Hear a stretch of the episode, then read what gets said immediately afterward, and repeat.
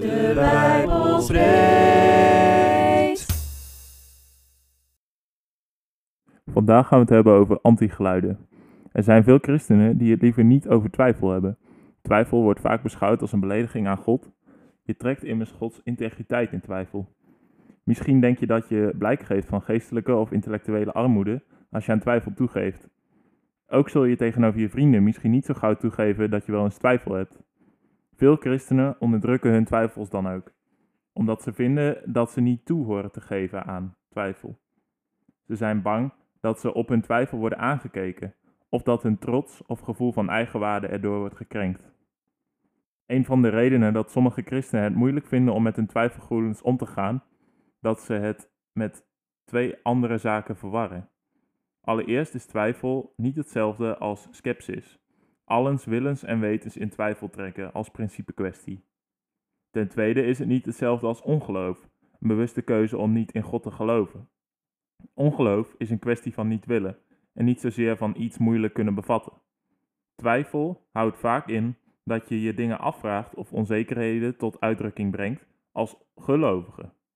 Je gelooft wel, maar je loopt tegelijk tegen een hoop geloofsvragen op. Geloof en twijfel sluiten elkaar niet uit, geloof en ongeloof wel. We lezen Romeinen 4, vers 1 tot 3. Wat moeten wij nu zeggen over onze stamvader Abraham? Indien hij als een rechtvaardige zou zijn aangenomen op grond van zijn daden, dan had hij zich daarop laten kunnen voorstaan, maar niet tegenover God. Want wat zegt de schrift?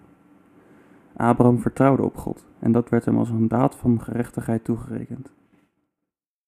Het geloof kent drie belangrijke elementen. Ten eerste is het het vertrouwen in God, zoals we lezen van Abraham. Hij vertrouwde op God en dat werd hem toegerekend als daad van gerechtigheid. Gelovig vertrouwen is vertrouwen in de betrouwbaarheid, trouw en waarachtigheid van God. Het is een diep verlangen naar Gods nabijheid, een begeerte om Zijn naam lof te zingen, om Zijn aanwezigheid bewust te mogen ervaren. Het heeft eerder iets te maken met je hart dan met je hoofd. We lezen Marcus 12 vanaf vers 28 tot 30. Een van de schriftgeleerden die naar hen geluisterd had terwijl ze discussieerden en gemerkt had dat hij hun correct had geantwoord, kwam dichterbij en vroeg: Wat is van alle geboden het belangrijkste gebod?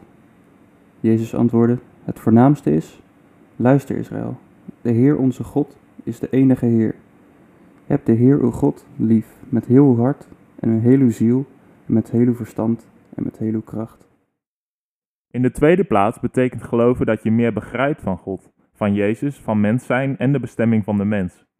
Jezus laat dat belang zien als hij spreekt over God liefhebben met heel je hart, ziel en kracht, maar ook zeker met je verstand. Het ligt in de aard van het geloof dat het probeert te begrijpen. Het probeert zich te verankeren in ons verstand als we de betekenis doordrenken van hoe we de opgestane Christus ervaren. Christen worden wil zeggen dat we God als realiteit ontmoeten. Volgeling worden betekent dat we deze ontmoeting ons denken en doen laten bepalen. We lezen Jacobus 2, vers 14 tot en met 18. Broeders en zusters, wat heeft het voor zin als iemand zegt te geloven, maar hij handelt, handelt er niet naar? Zou dat geloof hem soms kunnen redden? Als een broeder of zuster nauwelijks kleren heeft en elke dag eten tekort komt, en een van u zegt dan: Het ga je goed, kleed je warm en eet smakelijk, zonder de ander te voorzien van de eerste levensbehoefte, wat heeft dat dan voor zin? Zo is het ook met geloof. Als het zich niet daadwerkelijk bewijst, is het dood. Maar dan zegt iemand: De een gelooft, de ander doet. Laat mij maar eens zien dat je kunt geloven zonder daden. Ik zal u door mijn daden tonen dat ik geloof. In de derde plaats betekent geloof gehoorzaamheid. Paulus spreekt van gehoorzaamheid des geloofs in Romeinen 1, vers 5, waarmee hij wil zeggen dat het geloof tot uitdrukking moet komen in ons handelen. Het geloof wordt eerder door de praktijk dan door de speculaties in leven gehouden en versterkt, zegt Jozef Addison. Het ware geloof blijkt uit de werken, lees Jacobus er maar op na. Op deze drie aspecten kunnen er twijfels voordoen, wanneer we vertrouwen missen, begrip of gehoorzaamheid. Het missen van deze dingen is het op dat moment minder ervaren, is menselijk en daarom niet iets waarvoor je je hoeft te schamen. Spreek het uit en kom ermee in het licht tot God en tot elkaar. Leer nieuwe inzichten van elkaar en hoe de ander met het leven omgaat, zodat je dichter bij de waarheid komt en je in hem wortelt. Onderzoek dus alles en behoud het goede. Denk er eens over na. Zijn er dingen in jouw leven waar je veel over twijfelt? En praat je daarover met God of met andere mensen? Waar kan en wil jij meer in groeien in geloof? Is dat vertrouwen, begrip of gehoorzaamheid? En hoe kan je dat doen?